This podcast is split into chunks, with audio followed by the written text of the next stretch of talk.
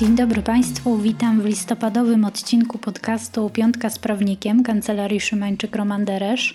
Dziś moim gościem jest już po raz kolejny Weronika Pikusa, aplikantka adwokacka, która w SRDK zajmuje się głównie prawem nieruchomości i budowlanym, ale interesuje się też bardzo prawem mediów społecznościowych i w tym zakresie wspiera nasz zespół do spraw prawa własności intelektualnej. Weronika, rozmawiam dziś z Tobą nie przez przypadek. W ostatnim czasie jest bardzo głośno o działaniach, które Urząd Ochrony Konkurencji i Konsumentów podejmuje wobec influencerów. Piszą o tym zarówno czasopisma biznesowe, jak i portale plotkarskie, a w branży zapanowało wyraźne poruszenie. Chodzi mi oczywiście o reklamę w internecie, która nie zawsze jest jawna i oczywista dla odbiorcy, co może wydawać się mocno nieuczciwe, wychodząc z założenia, że obserwator to po prostu konsument. Nasz podcast kierujemy do różnego rodzaju biznesów. Być może ktoś z naszych słuchaczy współpracuje z influencerami w zakresie promowania swoich produktów lub usług, a może sam chciałby takim influencerem zostać lub już jest. Wyjaśnij proszę o co chodzi i z czego wynika to zamieszanie. Dzień dobry Państwu. W pierwszej kolejności, tak dla porządku, wyjaśnię, czym jest właściwie ten Urząd Ochrony Konkurencji Konsumentów, a następnie przejdziemy do konkretów. E, czyli Urząd Ochrony Konkurencji Konsumentów jest urzędem obsługującym prezesa Urzędu Ochrony i Konkurencji Konsumentów, który to z kolei jest organem państwowym i przede wszystkim stoi na straży praw konsumentów. Jednak jego uprawnienia to nie tylko kontrola reklam, o której ostatnio zrobiło się głośno, ale prezes UOKiK, czyli Urzędu Ochrony Konkurencji Konsumentów, e, również sprawdza na przykład produkty pod e, kątem spełnienia przez nie wymagań bezpieczeństwa. E, to właśnie dzięki takiej działalności w obrocie znajdują się wyłącznie produkty bezpieczne.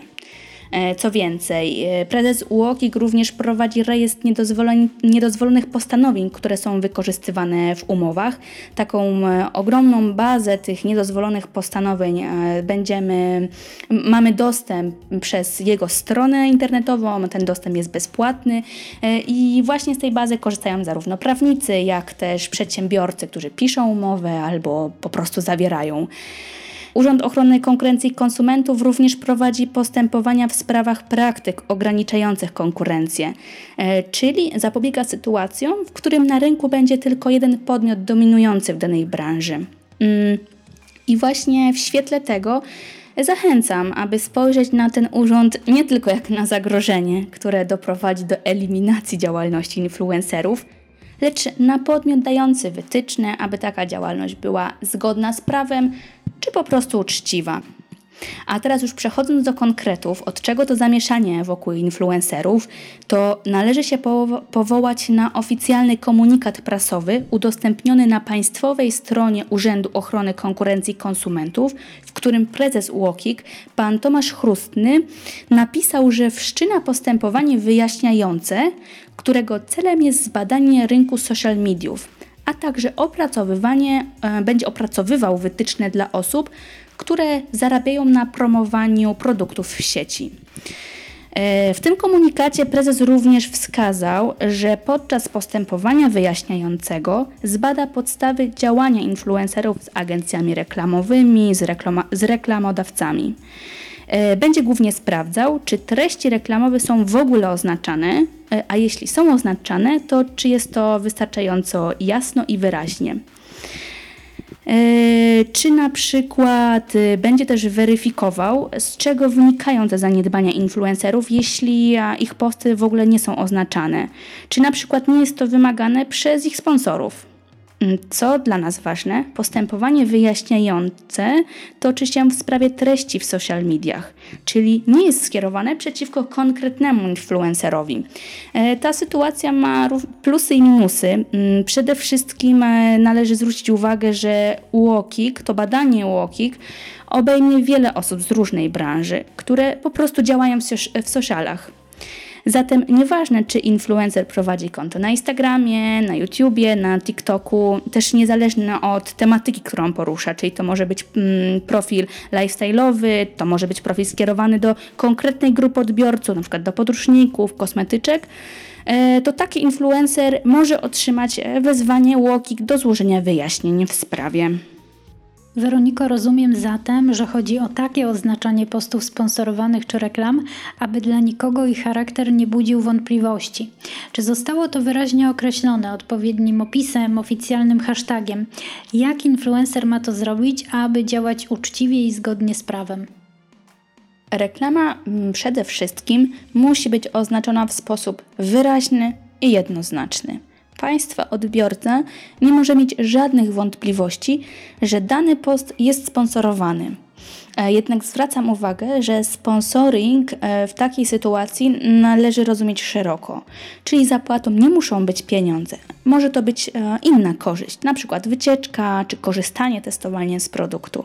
O wszystkich tego typu sytuacjach Państwa czytelnicy, słuchacze, widzowie powinni być wyraźnie poinformowani. I teraz jak o tym wyraźnie poinformować? E, najlepszym rozwiązaniem będzie wstawienie hashtagu hashtag reklama e, lub hashtag post sponsorowany jako pierwszy w ciągu hashtagów. Tutaj zwracam uwagę, że żeby reklama była wyraźna i jednoznaczna, no zachęcamy, żeby hashtag reklama był pierwszy w ciągu hashtagów. Innym sposobem, innym prawidłowym oczywiście sposobem, może być zamieszczenie zdania w opisie filmu na początku tego opisu. Sponsorem tego postu jest firma XY. Lub jeśli Państwo nagrywają post, y, podcast, y, wówczas warto na wstępie nagrania powiedzieć, że dane nagranie, dany podcast jest sponsorowany przez firmę taką i taką. E, przestrzegamy przy tym, że hashtag z nazwą firmy, tylko z nazwą firmy, no nie będzie wystarczający. Co więcej, prezes UOKiK e, już, już wskazał, że nawet sam hashtag, hashtag AD jest oznaczeniem błędnym. E, jak to wytłumaczył? No, według prezesa UOKiK hashtag AD może być po prostu dla polskiego internauty niezrozumiały. E, dlatego, jeśli Państwo publikują e, jakieś posty, nagrania, filmiki zawierające reklamy, no zachęcamy, żeby oznaczać to w sposób wyraźny i jednoznaczny. Kwestia zatem bardzo istotna, od kiedy influencer ma obowiązek w opisany przez Ciebie prawidłowy sposób oznaczać te posty. Mam tu na myśli zasadę prawo nie działa wstecz. Czy w tym przypadku ma ona zastosowanie, czy może należałoby cofnąć się do początków swojego profilu? Należy poprawić oznaczenie wszystkich postów. E, trzeba zauważyć, że UOKiK nie wprowadza nowych regulacji w zakresie reklamy. Będzie tylko sprawdzał, czy influencerzy przestrzegają już obowiązującego prawa. Zatem w takiej sytuacji nie mamy do czynienia ze zjawiskiem prawo nie działa wstecz. Dopóki dany post jest publikowany, to w każdej chwili odbiorca może być wprowadzony w błąd nieprawidłowo oznaczoną reklamą. Wobec tego zachęcam do poprawienia każdego postu. A co dzieje się w sytuacji, gdy influencer otrzymał od firmy produkt i chciałby go pokazać swoim obserwatorom, bo po prostu mu się podoba, sprawdza, jest godny polecenia, lecz nie jest to żadna współpraca, również barterowa, a jedynie gift, za który jego nadawca nie oczekuje nic w zamian. Czy w takim przypadku post wideo z unboxingiem również powinno być odpowiednio oznaczone? Należy odróżnić reklamę produktu od recenzji, informacji o produkcie. Granica jest jednak bardzo cienka i należy być tu uważnym. E, czyli jeżeli otrzymamy dany produkt od firmy bez żadnych dodatkowych zobowiązań, to znaczy, że tylko od e, woli influencera będzie zależało, czy pokaże dany gift, czy nie, a jeśli zamierza pokazać ten gift, to omówi dany produkt jednak w sposób obiektywny, rzetelny, nie będzie zachęcał do kupna, wychwalał, wówczas taki unboxing nie będzie spełniał wymagań reklamy i będzie można pominąć takie oznaczenie. Natomiast jeśli robimy unboxing w celu zachęcenia do kupna danego produktu czy do promowania danej marki, no to należy ten post mm, prawidłowo oznaczyć. E, pro, mm, problematyką rozróżnienia pomiędzy informacją a reklamą no od wielu lat e, zajmuje się judykatura i tak na przykład e, wyrok Naczelnego Sądu Administracyjnego z dnia 11 marca 2015 roku o sygnaturze 2 GSK 168 na 14 no stanowi takie mm, trafne podsumowanie tego naszego zagadnienia, więc pozwolę sobie go przytoczyć. E, sąd w tym wyroku e, wskazał, że przy rozróżnieniu informacji od reklamy trzeba mieć na względzie, że podstawowym wyznacznikiem przekazu reklamowego jest nie tylko mniej lub bardziej wyraźna zachęta do kupna towaru, ale i faktyczne intencje podmiotu dokonującego przekazu oraz odbiór przekazu tego informacyjnego przez, e, przez, do, przez podmiot, do którego jest on kierowany. Wypowiedź jest reklamą, gdy nad warstwą informacyjną przeważa zachęta do nabycia towaru. E, I tutaj właśnie mamy fajne, mm, fajne podsumowanie naszego zagadnienia. Jeśli zachęcamy do nabycia towaru i naszym celem jest, żeby odbiorca kupił ten towar, wówczas taka prezentacja mm, danego produktu będzie reklamą i należy mm, prawidłowo oznaczyć. Weroniko, znamy już mniej więcej zasady prawidłowego postępowania, co jednak w przypadku, gdy internetowy twórca się do nich nie zastosuje. Co grozi za nieprawidłowe oznaczenie lub nieoznaczenie wcale reklamy i jak postępować, gdy trafi do nas wezwanie do wyjaśnień przed y, Urzędem Ochrony Konkurencji i Konsumentów? E, Justyno, e, podzielę swoją odpowiedź na dwie części. E, po pierwsze, co zrobić, gdy dostaniemy wezwanie? No najważniejsze to zachować spokój. E, wezwanie influencer otrzyma na piśmie, zaś w treści takiego wezwania zostanie określony zakres i cel, w jakim organ żąda wyjaśnień. To jest dostanie konkretne pytania i ewentualne wezwanie do przedłożenia odpowiednich dokumentów na potwierdzenie e, swoich twierdzeń. E, na przykład może zostać zobowiązany do załączenia umowy o współpracy z daną marką. E, w wezwaniu będziesz, będzie również określony termin na udzielenie odpowiedzi. Najczęściej wynosi on 14 dni. Termin ten liczymy od dnia odbioru wezwania i wliczamy w to soboty i niedzielę. E, jednak w tym wszystkim najważniejsze jest udzielenie odpowiedzi.